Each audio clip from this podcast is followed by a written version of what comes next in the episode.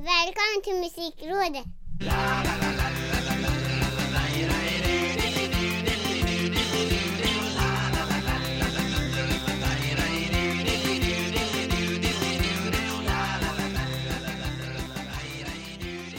Musikrådets eh, 64 64 avsnitt jag som heter Micke Björnberg som fortfarande har lite semester, sitter ute i sommarstugan och har lite mysigt Och senior Ricke Holmqvist som har börjat arbeta och är Mm. utsliten så här efter en dag på jobbet gissar jag Ja, det, det är helt andra känslor att eh, brottas med. Eh, en, en dag som denna när man har kommit upp från eh, gruvan igen. Men ja, det blir väl vardag av det hela också tänker jag. Det är väl det som är hela poängen med en semester tänker jag Att den tar slut och att man måste tillbaka till den här Ja, det är så- vardagslunken Som kan vara lika förhatlig som att- den kan vara älskvärd på något sätt Jo, så är det ju. Men det, man vet ju att semestern kommer ju ta slut. Men det, det är svårt att inse det när man är mitt i allt. Och speciellt man har haft sån fruktansvärd tur med vädret för en gångs skull. Som man har haft. Då eh, önskar man att den var en, eh, några dagar till. Ja, men jag tänkte faktiskt på det i helgen Mhm. Eh, Nu är vi ute i stugan och vi hade lite besök av lite goda vänner och sådär Mm. Eh, Och i lördag så tog en, eh, en äldre herre höll jag på att säga, det ska man väl inte säga Men han han har fyllt 50 i alla fall Eh, Mm. Han tog över musiken och, och spelade Orup och han spelade Peter Lemark och Oj, Mauro. Scocco och Toto och sådana grejer och Då tänkte jag på dig In, Inte Åh. nödvändigtvis för att du är jättegammal även om du är gammal men liksom så här, Det var exakt din musiksmak och så som lite så här melankoliskt också in i en Mm. ny arbetshöst Ja. på något sätt Ja men jag, tack. Det var vänligt. Det var vänligt att du tänkte på mig då. Det var fint. Fast det är ju lite ålderdomlig musiksmak ändå Jo men det är som ett eh, glas gott rött tänker jag att den musiken är. Att den liksom åldras med Mm. värdighet Ja och på något sätt just de där artisterna du beskrev att det kanske man kanske måste ha eh, levt några år för att kanske förstå vad de eh, menar. mm. Det är väldigt mycket Kanske. textbaserat också Ja, på sitt sätt ja det är det ju. Det är det ju. Men Men eh, kul ja. att du nämner vin ändå för jag har en lite annan eh, spaning vad gäller drickande Mhm. som också förtjänar att eh, nämnas Okej, Vi pratade ju om Arvingarnas öl för x antal avsnitt sen det gjorde vi. Jag har ju faktiskt druckit The Sounds öl också här under Just det, semestertiden det såg jag. Under Det såg jag. vistelsen nere i Skåne Mm. eh, Gjord av råbryggerier The Sounds eh, Mm. En eh, American Pale Ale är det Och Mm. i alla fall så Det var också en ganska trevlig eh, ingrediens Eller eh, Okej. så Den var lika lättdrucken som The Sounds är lättlyssnat Skulle man kunna säga Ah, undrar om det finns någon baktanke där. Skulle mycket väl kunna vara så Att Eh. det ska inte vara så svårt och invecklat utan det ska vara lättdrucket. Men ytterligare en produkt som alltså har en bandlaga på sig som inte bara är något brandat piss så att säga. Nej precis. Och på tal om eh, bandlogga så har väl de kanske Sveriges snyggaste bandlogga. Ja, så kan det nog Den vara. här silhuettbilden som de även har som backdrop. Ja. Den är ju sjukt snygg. Och det är ju snygg. också den som de har på flaskan. Mm, precis. Så man stirrar ju- rakt in i eh, Maja Ivarssons ögon när man tar den från systemet-hyllan. Ah, så den finns på systemet? Den är nog beställningsvara skulle jag tro. Ja, den är med. Okej. Den fanns i Skåne. Ja, okej. Men apropå allt sånt där som den här podden handlar om så måste jag ju ställa den klassiska frågan som jag har gått och funderat på hela veckan. Vad Ja. har Ricky Holmqvist lyssnat på? Han har lyssnat på eh, två stycken tvåstegsraketer. Oj då! Ja, eh, det finns eh, framförallt två stycken låtar som jag har burit med mig från Ja, jag vet inte. Jag måste ha varit eh, ensiffrig ålder i alla fall. Mhm, Eh, mina föräldrar hade någon sån här eh, CD-box. okej. Som hette typ någon så här Hits from the 60s eller något sånt här. Eh, det var väl typ fyra CD-skivor en sån där. Mm. Eh, och då fanns det, jag vet inte, jag lyssnade på den där ibland och så, och så fanns det två låtar som jag fastnade otroligt mycket för.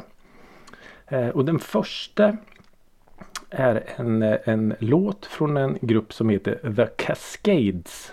Mm, Och låten heter Rhythm of the Rain. Mäktig titel Ja, jag vet, men det är typiskt så här 60-tals eh, poetiskt, lite vackert. Jag ska inte säga att det är en ballad, men lite lugnare så. Mm. Eh, och så den eh, dök upp i mitt huvud eh, någon gång under helgen. Så här, och så tänkte jag, ja, men jag ska gå in och söka på den. Eh, och sen under då den här Rhythm of the Rain så står det Hit kommer jag nog inte mer. Mhm. Med Tonix. jag tänkte, men hur kommer det sig att den här Jo, då visar det att dansbandet Tonix har gjort en svensk version av den. Ja, det där är ju så extremt klassiskt att dansband liksom har tagit internationella Ja. låtar och bara översatt dem eller skrivit en ny text och släppt dem Ja. på svenska Och då tänker man ju så här, jaha du, Tonix, kom igen nu. Men de har gjort det så himla snyggt. Melodin är kvar. Ja, Men de har gjort en, en, en lite annan andemening i, eh, i låten. Och äh, sjukt snygg låt faktiskt. Det brukar ju oftast vara ganska klämmigt lök, ja, men lökiga texter och klämmigt och, och sådär. Men nej, det här var den här står sig jättebra på, på egna ben. mm.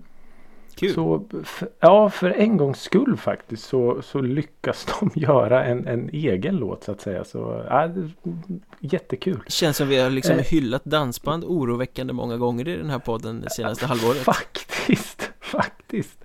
Jag vet inte vart det här är på väg.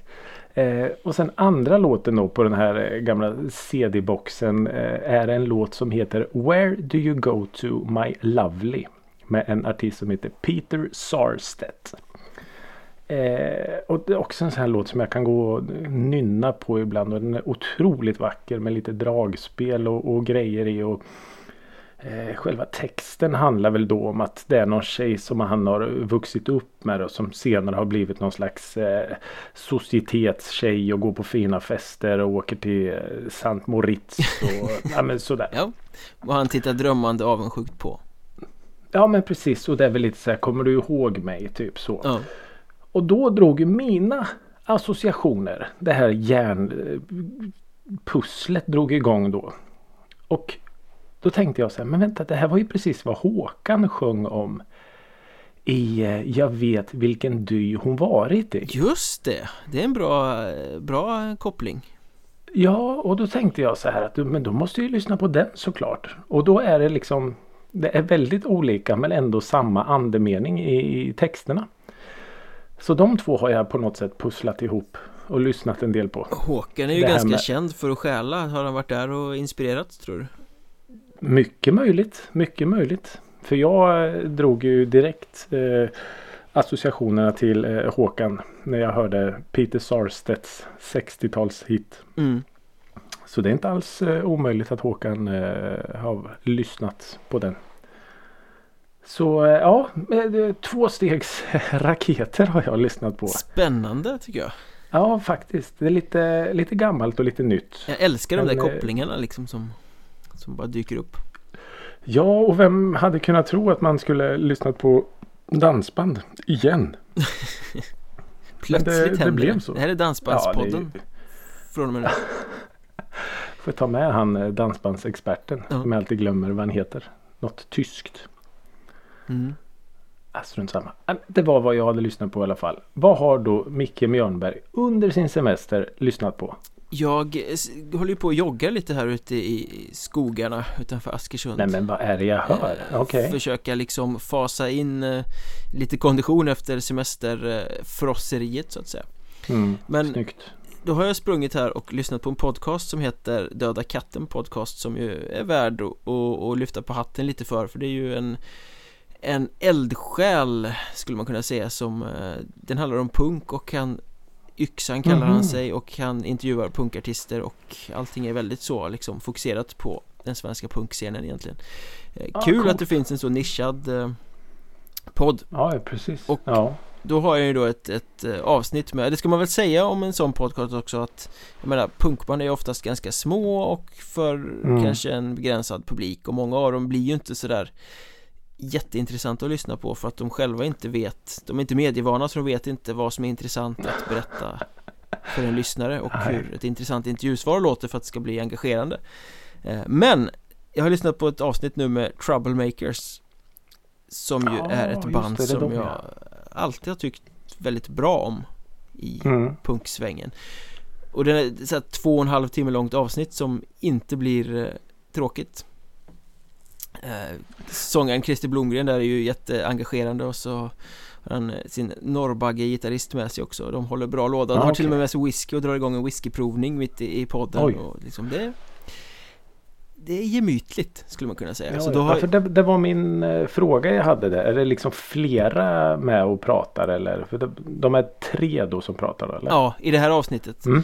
Eh, Mm. ibla, det funkar ibland är ju hela band med och pratar och det blir ju aldrig bra Ja. Eftersom alldeles för många, Nej. då blir det liksom bara varken hackat eller malet Nej precis. Eh, Men det här är svinbra avsnitt så då har jag ju varit tvungen att lyssna på Troublemakers Såklart. En hel del Eh, Mm. Och de hyllar ju dessutom då The Baboon Show som jag har nämnt tidigare i den här podcasten Just det. Eh, Mm. Så då har jag varit tvungen att lyssna på Baboon Show också för de är ju så Mm. infernaliskt bra Eh, Så det är väl egentligen Ja. de två banden som jag har eh, lyssnat på den här veckan Mm.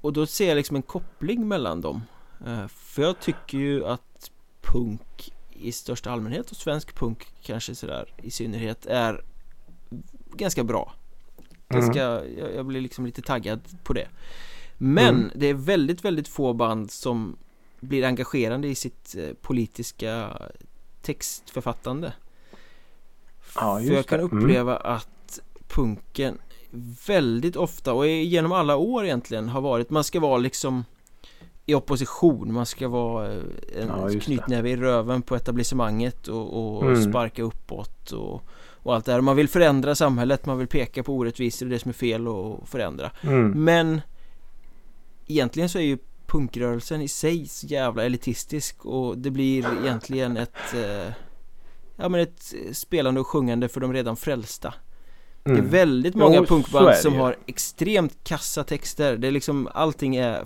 standard formulär 1A Mm. Moderater är sämst, eh, eh, USA Ja. är sämst eh, Brats med rika farsor är sämst och så gör man 78 Mm. olika versioner på det och så sjunger man Och när man gör det då förändrar man inte samhället överhuvudtaget för då finns det de här Nej. 73 punkarna som tycker att det här är the shit Ja, ja precis. Eh, Och det är de som gillar det och som man liksom är inte särskilt begåvad i sin samhällskritik eller sådär Nej. Men där har vi då kopplingen mellan Troublemakers och The Baboon Show För det tycker jag är två band som faktiskt verkligen Lyckas vara ganska politiska men ändå skriva väldigt bra texter och intressanta texter och Nå ut på ett helt annat sätt Mm. Eh, Ja, för jag menar om, om, om du, vad ska man säga, om du har en, en åsikt, en samhällsåsikt. Då är det ju precis som du säger ganska nyttigt att man når ut till den. Ja. Snarare än att det är de här 30 som står längst fram på konserten som redan, som visst delar dina åsikter men, men sen då? Vad händer i nästa led liksom? mm, För jag menar, jag tänker tanken måste ändå någonstans vara en drivkraft att fan nu ska vi förändra saker och ting. Ja, det borde ju vara det men jag kan uppleva att Mm. punken i, i, i alla fall i Sverige Väldigt ofta snarare är en predikan för redan frälsta Ja, ja Än att man ens försöker göra någonting för att nå ut och förändra på riktigt Ja, för om, om man ser till liksom, om man ska dra paralleller till den här hardcore-scenen som slog igenom uppe i Umeå. Alltså de, de, det var ju lite mer aktion liksom. De gjorde ju, alltså eh, brände ner Scanbilar eller vad och- fan. ja. Ja. precis. Och det är ju ingenting vi på något sätt förespråkar men det, det var lite mer action. Mm.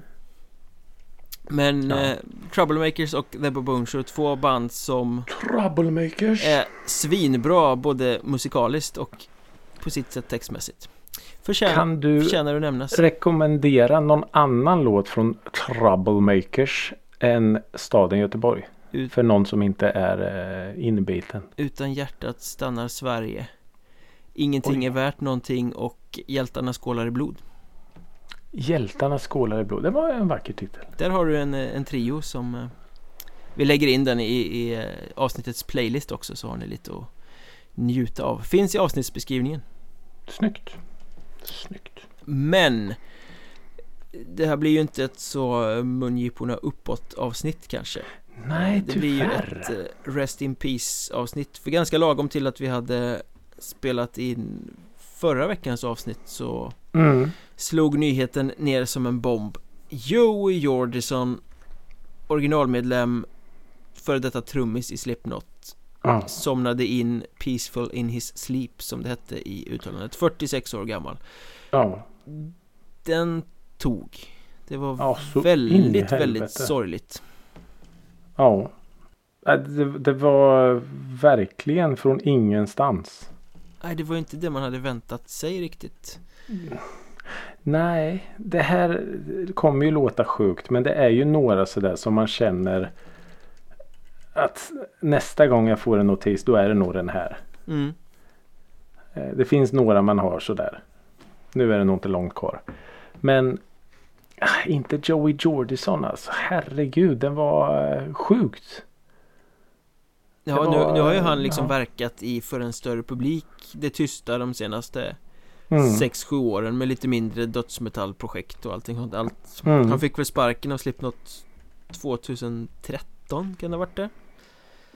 Fick han spark? Ja, ehm, de gick ju ut med något eh, pressmeddelande om att eh, han hade fått lämna bandet Mm. Och han svarade ganska snabbt med ett eget pressmeddelande där han skrev att han inte hade lämnat bandet frivilligt Eller något Ah, sånt där okej. Och sen har ju allt det där varit höjt i dunkel liksom Det är ingen som har pratat om det Nej, just eh, det. Vilket ju också gör att det här Alltså Mm. han lämnar väldigt mycket frågetecken efter sig Mm. Vad hände egentligen? Men- Varför?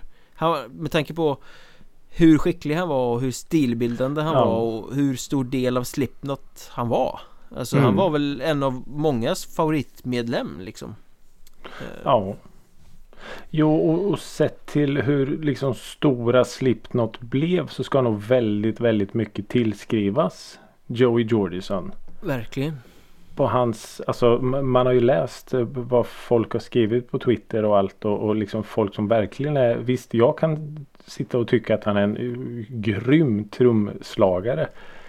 Men folk som verkligen vet vad de pratar om som säger att han är liksom en av de bästa någonsin liksom. Teknikmässigt och stilmässigt och hela den biten. Då Mm. förstår man ju liksom oj okej. Då har han ju verkligen någonting extra. Men samtidigt som, som du säger det lämnar ju otroligt mycket frågetecken. Varför han fick lämna Slipknot. mm. Eh, ja. Och eh, jag menar Så många Viktiga låtar som han har varit Involverad i också Mm. Och hela det här Så extremt banbrytande debutalbumet som kom 99 Som Mm. liksom öppnade dörren för en helt ny form av hårdrock egentligen De var ju väldigt banbrytande när de kom och han var ju en stor del i det Ja herregud ja. Jag tänker bara på den här första låten på första plattan, den som heter Sick Och Mm. texten You can't kill me cause I'm already inside you Mm. Ehm, Det känns lite som att det, så känns det när Joey Jordison försvinner nu Han Ja. är död men det är så väldigt mycket som lever kvar i liksom, Det var inte det texten åsyftade då men som lever kvar i hjärtat Nej. ehm, hos Ja men precis. många som blir kvar efter Inte bara familj och vänner och gamla bandmedlemmar utan även många fans och publik och allt sådär Ja men precis och precis som du säger att när de släppte sin debut så var det nog liksom många som alltså utan Slipknot är ju massa band som man, man aldrig hade som aldrig hade fått chansen. I och med att de breakade då ser de andra att ja men vänta det finns en marknad det finns en publik för det här. Okej då. För det var ju lite så Slipknot var ju på något sätt det hade ju eskalerat under ett tag där med all den här new metal och det skulle bli hårdare, det skulle bli snabbare, det skulle bli mer extremt och så kommer de och bara Alltså allt, de var ju liksom Ja, Ja, från De- musik till scenshow till allting De slogs Mm. på scen och det var ju De första åren var det ju fullständigt vansinne ja, ja herregud. Ja. De är ju fortfarande ett bra liveband men de är ju så extremt trötta idag jämfört med vad de var där Mm. de första åren Jo, det här har vi ju pratat om förr vet jag. Att, att de första åren måste det verkligen ha varit på liv och död liksom. Ja, Att det, det finns inte chans att göra en dålig show nu liksom. Utan nu, nu jävlar ska vi visa vilka vi är. mm. Och eh, är man då nio stycken i bandet och alla pumpar upp varann till någon slags eh, explosionsrisk då briserar ju den bomben någon gång. I masker dessutom Mm. Ja men precis. Men, Men, vad, vad, vad kan det vara något slags drogrelaterat eller? eh, ingen menar- aning, jag har inte läst något faktiskt, ingenting Nej. Eh, Nej vi ska inte spekulera i sådana saker heller. Det var ju så- mer men tydligt med Paul Gray, basisten, när han gick Mm. bort för x antal år sedan eh, i eh, överdos av någonting. Mm. Låg på ett motellrum och hade ramlat tillbaka i sitt missbruk och Mm. sådär. Den typen av rubriker har ju inte omgärdat Joey Jordison. Han hade någon sjukdomsgrej för ett år sedan men jag vet inte riktigt vad det var. Ja okej. Ja. ja det är fruktansvärt tragiskt. Men det 46 är ändå rätt sjukt. Nu var de förvisso nio stycken men att två ur den liksom första kända upplagan av Slipknot fort, redan Mm. har lämnat in är ju helt Ja. sjukt. Jo men de, alltså jag kommer ihåg jag läste någon så jätte, jättegammal intervju med Corey Taylor. Eh, där han då skrev att jag flyttade hemifrån när jag var 14 eller 15 på grund av att jag hade drogproblem. Och alltså, så de de har ju varit väldigt trasiga från början. Mm. Eh, så. Och om det då kommer in och sen har de väl liksom shapat upp sig och, och många av dem är väl säkert eh, helt rena och nyktra idag. Men som sagt de kommer ju från väldigt tragiska bakgrunder. Mm. Men eh, för att minnas Jordison då, har du en topp tre Joey Jordison moments? Ja men det har jag faktiskt. Och, och det första och, och största måste väl ändå vara första gången som jag såg respektive hörde. För jag tror att det var första gången som jag upplevde Slipknot var eh, musikvideo. Mm. Eh, och då var det då Wait and Bleed. Mm. Jag vet inte om det var första singeln. Den gick ju het på Vox Pop i alla fall. Ja, och jag, jag kommer inte ihåg vart jag såg den. Men då var det liksom så här. Vad i helvete är det här? Ja. Alltså dels maskerna, dels musiken, dels Corey Taylors sätt att sjunga. För han, dels om han skriker så har han ju en sån otroligt stark och vacker röst. Mm. Eh, så jag tror inte det gick många dagar förrän jag hade hört den låten som jag gick och köpte skivan sen. Eh, Debutalbumet då? Ja precis. Monumentalt Eh, superbra ja. platta. Ja, så den Wait and Bleed eh, håller jag fortfarande som, som ett så här någon slags frimärke över musik som jag aldrig kommer släppa. Mm. Eh, så det är nog ett av de starkaste minnena. Eh, och då är ju givetvis Joey Jordison en av dem för trummorna i den låten är ju helt sjuka. Ja, ja, ja, mäktigt, mäktigt, mäktigt. Eh, så det var nog min första faktiskt. Mm. Vad är de andra två? Eh, den andra är ju den här, den har ju du pratat om eh, innan också, den här live-DVDn. Ja, just det. Disaster Eh, Pieces. Disas- ja precis, Disaster Pieces från eh, London. 2001 Eh, eller något sånt ja något sånt va. Mm. Minns jag också. Jag sprang och köpte så fort den kom ut. Eh, och ja som sagt. eh, Där är ju han i sitt esse Mr Jordison. Verkligen.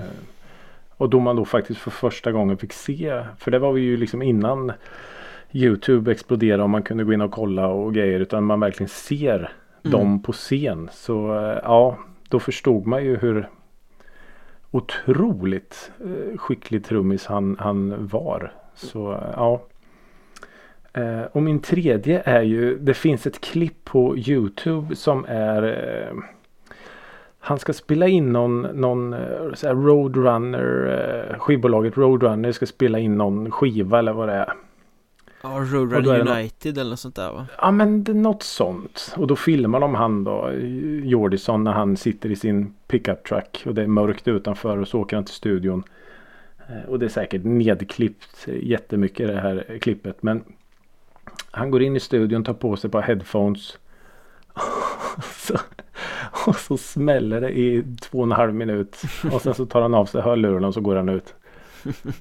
Det klippet har ni sett hundra gånger för det är så sjukt snyggt. Mm. Och som sagt det är säkert nedklippt eh, det där. Men just att han går in, tar på sig hörlurarna. Och sen tar han av sig och så går han. Klart. Klart.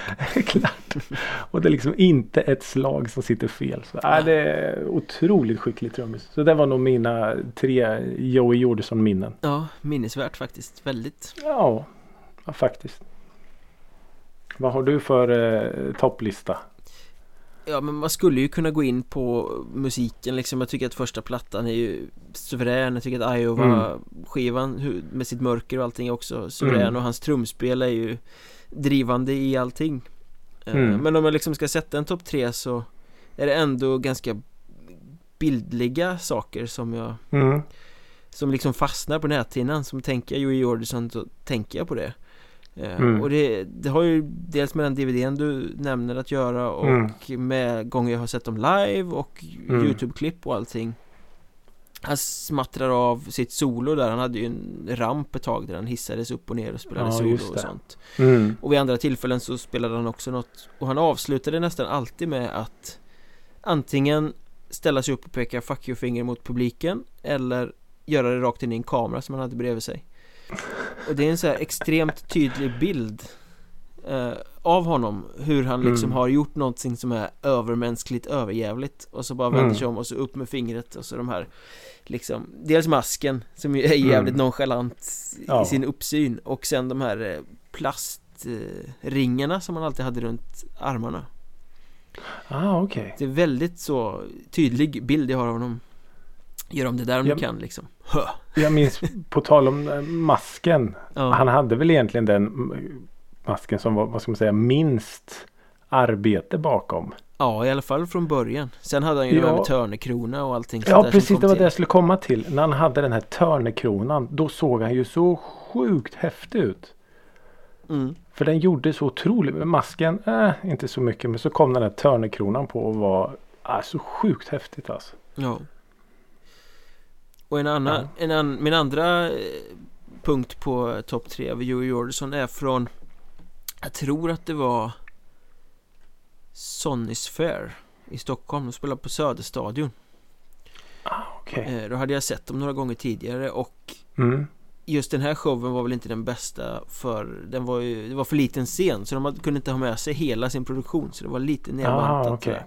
Men de Mm. liksom inledde spelningen med att De kom liksom ut Och då satt Joey Jordison uppe på Clowns axlar Mhm. Så han red liksom fram till scenkanten på Clowns axlar och sen bara satt där uppe Uttryckslösa masken och så höll ut armarna och liksom bara. Usch, han är här Ja. Fy fan vad mäktigt det var Ja, coolt. Också, Det är en också en sån entré. bild som jag Och jag tror faktiskt att eh, Live Nation, svenska Live Nation nu när de eh, la ut dem Rest in Peace Joey Jordison hade just en Mm. bild av det ögonblicket eh, Ah, Som de la ut på snyggt. Instagram Så det kan man gå in och kolla på Det var jävligt snyggt Ja okej. Coolt. Och min tredje punkt är en artikel i Close-Up Magazine På den tiden den fanns och var gigantiskt stor och eh, Mm. Mark Inte Marcus Larsson, Mar Martin Martin Karlsson Precis Karlsson. Ja just det. Mm. Martin Han Karlsson som var på Expressen va? Ja exakt Mm. Han hade ju och är numera är chefredaktör för Sweden Rock Magazine Just det. eh, Men han hade ju en period under av flera år när han skrev, alltid skrev eh, omslagsartikeln till Close-Up Magazine Och då hade han Oj. vid något tillfälle varit i eh, USA och träffat Joey Jordison hemma hos honom Mm. Och de sitter i någon källare och snackar musik och det är en så oerhört intressant artikel Oj. Sen var väl herr Karlsson känd för att salta ganska bra Eller han var en, eh, kanske man inte ska säga Men han var en oerhört duktig dramaturg i sina artiklar Mhm. Så det lät ju alltid så extremt mycket mer eh, Dramatiskt än det kanske var Ja, Eh, okej. Men det här var ganska tidigt Jag kommer inte ihåg på vilken platta det var Om det kanske var Iowa-plattan Eller något Mm. sånt där Eh, Men den gjorde extremt intryck den artikeln För Joey Jordison kändes så liksom Å ena sidan en polare och å andra sidan jättemörk Ja just det. och liksom sådär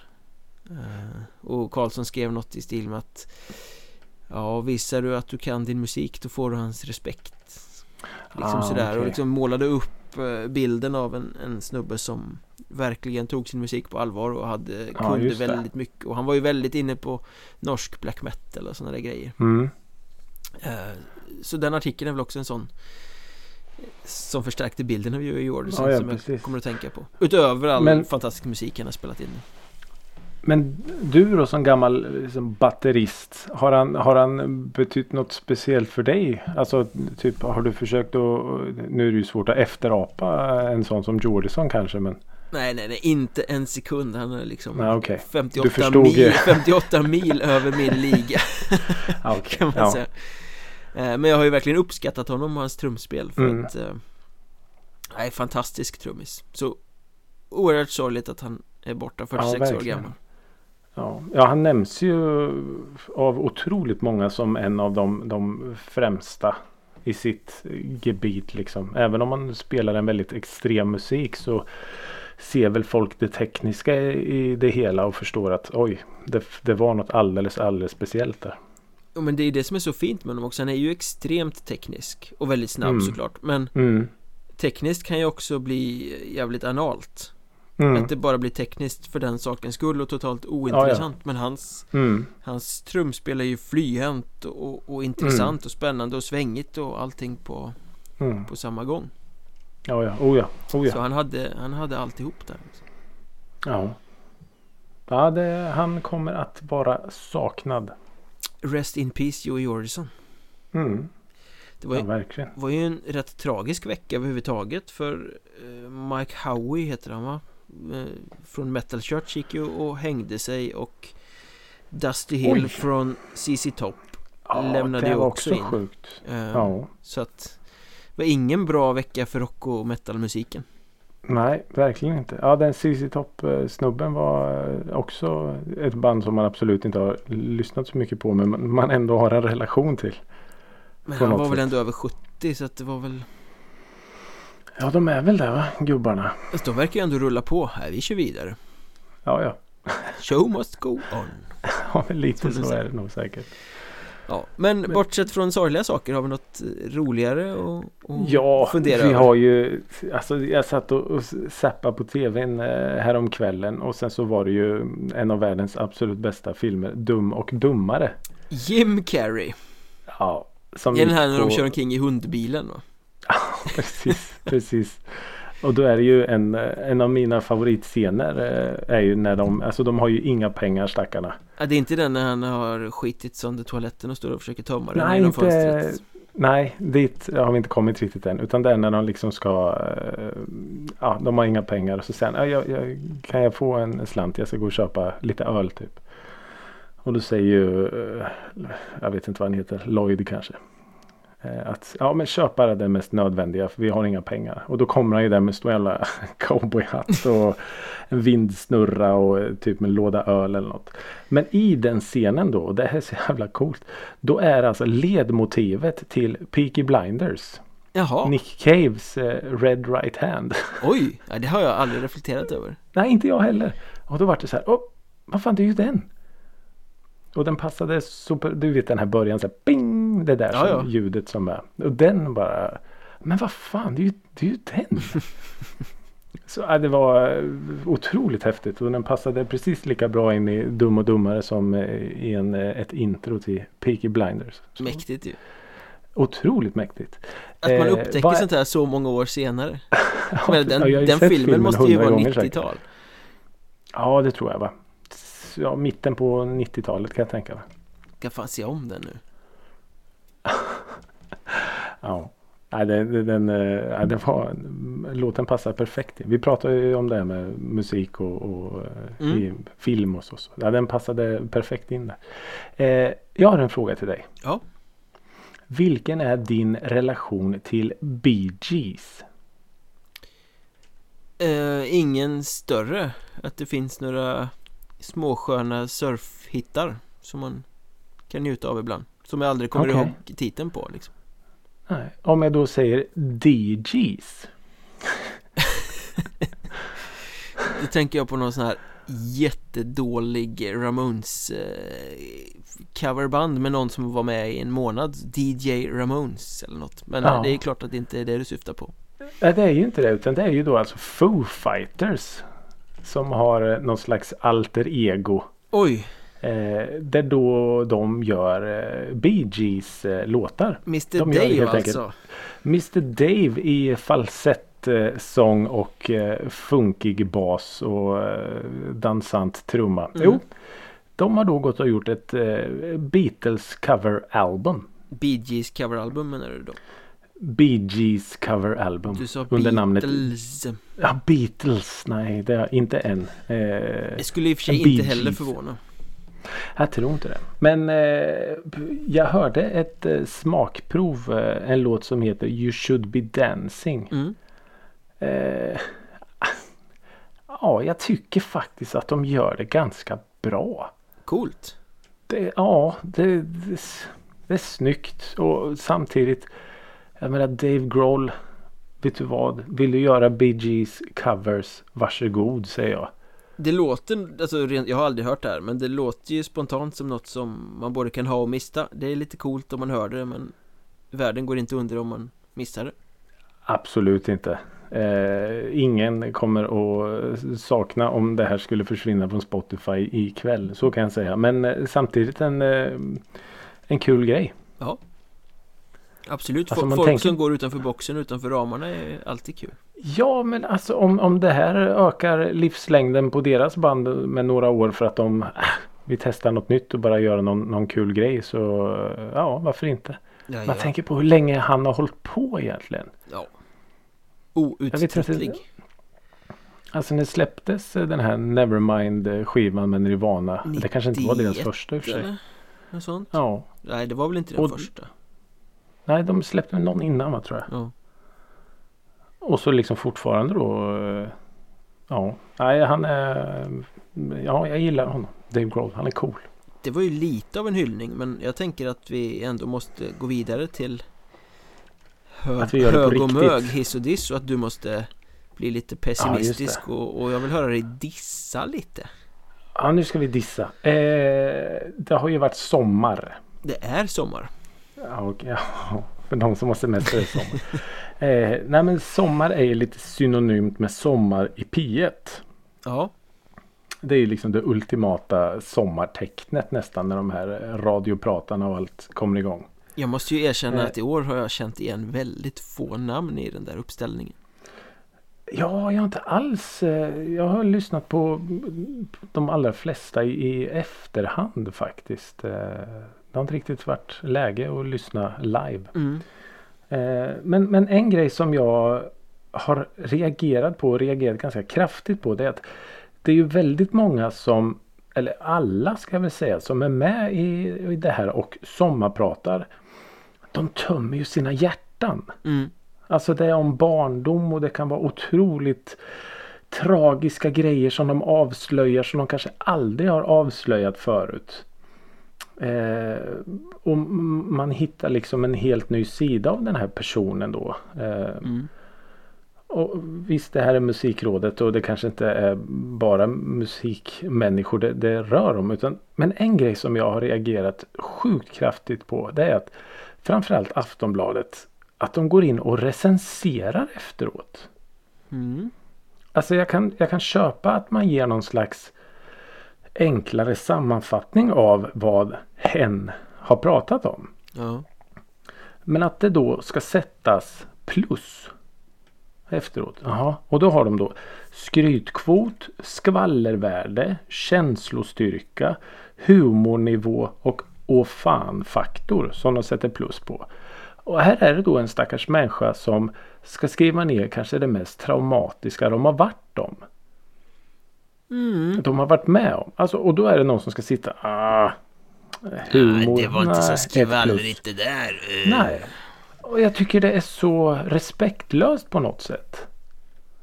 Att man, alltså, att man ska sätta betyg på en sån här grej. När det är någon som kanske aldrig ens har varit med i det här forumet och pratat i radio eller prata inför andra eller så. Och då ska skriva ner kanske det absolut mest traumatiska man har varit med om. Och så ska det då sitta någon tjomme där och bara Åh fan faktor. Nej, nej, äh, två plus då. Skrytkvot.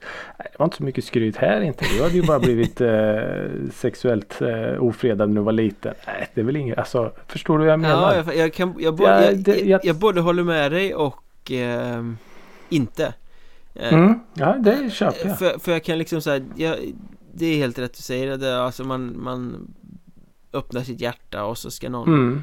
recensera det Eh, Mm. Och sådär, det blir ju Det går ju inte att recensera egentligen Eh, Nej. Ut, Inte utifrån de parametrarna och, och sådana saker, så precis. det kan ju bli lite skevt Å andra sidan Så är ju det här, de som får sommarprata De är Mm. offentliga personer Mm. som Oh, ja. väljer att göra det här i det kanske mest offentliga fönster Mm. som du kan göra Och jag tycker Mm. att det är lite typiskt svenskt att man ska liksom få komma undan med vad som helst eller Mm. man ska vara, Ja, jag- man ska jag- vara immun för kritik bara för att man öppnar sig eller bara för att man sådär Ja. Eh, Och det kan jag ha lite svårt för, till exempel Det finns folk som tycker att man inte ska såga skivor För Mm. att det är ju någon som verkligen har lagt ner ett år Ja, ja, av precis. passion och svärta och hjärta och så sätter du två på den Det är ju Mm. så respektlöst Ja, då tycker jag att Är det så att du inte kan ta att någon tycker att din skiva är dålig Mm. Då ska ju du sitta på din kammare och spela in den för ditt eget höga nöjes skull Då ska du Ja, inte slänga ut den till en allmänhet Och jag kan väl tillämpa det på um, P1s sommar också Att jag menar, Mm. ställ, sätter du dig i det Fönstret så måste du vara beredd på att Ja. folk ska Så tycka om dig lite Sen kan jag tycka att det blir smaklöst att liksom recensera så på fullt ut Men jag tycker inte att man man ska, gör man saker offentligt till en offentlig publik Mm. då ska man inte vara immun för kritik Nej, Ja, jag är, jag är lite så, ger man sig in i leken. Ja men lite så Mm. Ja, jag, jag är med Fast det på kan man ju vända på absolut. också Det finns ju många recensenter som inte tål kritik Som, som ska sitta Eh, och klanka på eh, konserter och, och spelningar och, och sånt Ja, ja, Men det blir helt upprörda om någon skulle tycka någonting om dem Till exempel, Mm. det är ju helt galet för att jag menar Ja, eller reagera på deras text. Ja men då har du gett dig in i Då- leken och då, då Mm. finns det vissa spelregler som gäller Mm. Ja, jag, jag, jag är med på hur du menar, absolut. Det är hundra procent. Men sen, jag, jag menar jag är helt enig med dig att eh, Mm. Om någon har berättat om sexuella trakasserier man har varit eh, utsatt Mm. för så säger någon att Ja. ah, ah, två av fem det, det, blir ju, det blir ju inte Ja. heller så bra kanske Nej, det är ju lite så. Men sen kan jag ju förstå de här som, som är kanske vana vid att bli granskade och recenserade och, och lite så. Men sen är det ju andra som kommer från andra områden som kanske är helt nytt för dem. Jag Liksom. tycker att man kanske ska recensera musiksmaken Ja. ja, där har de ju också eh, lite så här typiska låtval vad det heter som de skriver. Så. mm. Eh, För det är ju väldigt intressant vad människor väljer för musik Mm. Vissa är ju helt übertrista och vissa bara wow. Jag kommer ihåg jag lyssnade på Det var väl i inte så oväntat att han hade en intressant musiksmak Men Erik Niva för några år sedan Ja, just Hans det. sommarprat var ju så extremt vackert eh, musiksatt Mm. Han, han har ju ett gediget mu- musikintresse också så jag tror han eh, säkert eh, la ner otroligt mycket tid på att välja musik. Han jobbade väl som typ så PR-nisse på eh, Birdnest Records en gång i tiden va? Jaha. Det gamla Ja, det punk, punkbolaget för att återknyta till min Ja, punkspaning lite tidigare Ja, ja, ja. Det är, jag ifrågasätter inte. Så det var, det var min eh, diss den här veckan. Ja, du får 50% medhåll Ja, det tar jag gladeligen. Ska vi hissa lite då som en positiv avslutning? Ja, det är klart att vi ska.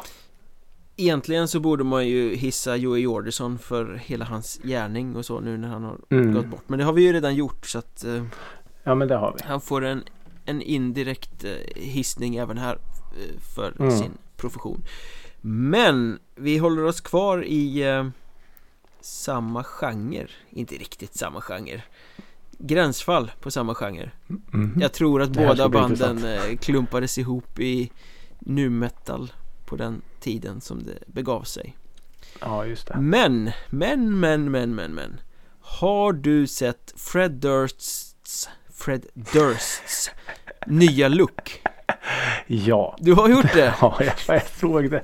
Jag såg någon bild på Twitter. Åh Det herregud. är ju så Mm. underbart! Här har Mm. vi mannen som är känd för att ha baggy jeans, bak och framvänd keps, för stor t-shirt Mm. Liksom urtypen för hur en nu metal människa skulle se ut på 90-talet Som Ja. numera har krulligt, totalblonderat hår och hästskomustasch och Mm. ser ut som någon sån här hårdkokt snut från 70-talet, slutet av 60-talet kanske Han skulle kunna vara med i den här Miami Beastie Vice. Boys sabotage Ja, verkligen! Han ser ut exakt som i Beastie Boys sabotagevideo Ja. Ja, Det, det fanns ju inte en chans att se att det var eh, Fred. Nej, ingenting Eh, Man var tvungen att läsa för vad fan är det där? Det ser ju Mm. coolt ut Men Alltså han har ju varit ett svin och självupptagen och Ja. oskön och töntig Och så är de borta i tio år och så kommer han tillbaka med det här Vilket ju måste ju vara med extremt mycket självironi Eh, Jag hoppas det. Jag älskar Fred Dursts nya look Ja. På tal om att, att han var ett svin. Och det här, jag, jag vet att vi är i hissegmentet och frågan är fan om inte jag hissar honom nu. När Limp Bizkit spelade på Hultsfred Ja, så stod Fred Durst på backstageområdet och slog golfbollar in på publikområdet.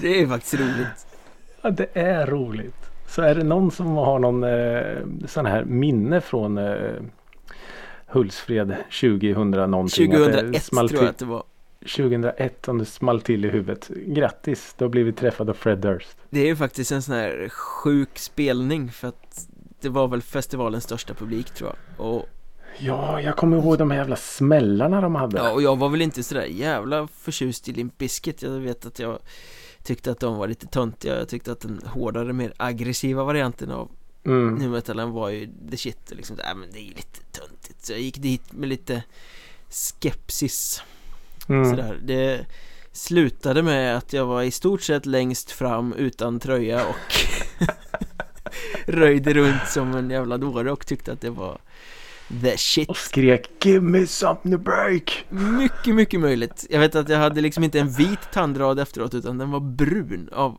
damm Mm. Ja. ja. Jag minns att det var en ganska så röjig eh, spelning också faktiskt. Extremt. Ja, om man tog det för det var så var det jävligt Ja, bra. ja det, de har, var inte och kommer aldrig vara världens bästa band och ett ganska Nej. töntigt band Men där och då var det ju Ja men det är det musik ska vara också, om man bara släpper Mm. garden så kan det vara jävligt roligt Ja men precis. Och det är väl exakt samma sak med hans look nu, om man bara sänker Mm. garden lite, det är jävla skönt Ja men lite så. Jag, när jag såg bilden så blev det lite så här. ja, Okej, vet du vad Fred? Jag, jag släpper garden lite och, och tycker att du är ganska cool nu Vi faktiskt. köper det Vi köper det. Tummen upp för Fred Durst Absolut. Såklart. Och tummen upp för er som har lyssnat Även den 64 gången Mm. på Musikrådet och våra Ja. terapeutiska svammelminuter ja, när man eh, kom upp från eh, gruvan. Ja, jag avundas det inte, även om det snart är min tur också Ja.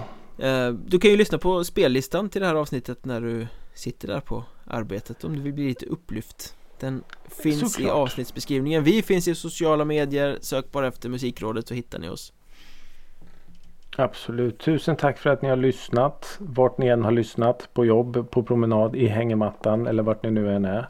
Fortsätt sprid Musikrådet Gospel. Och till nästa vecka.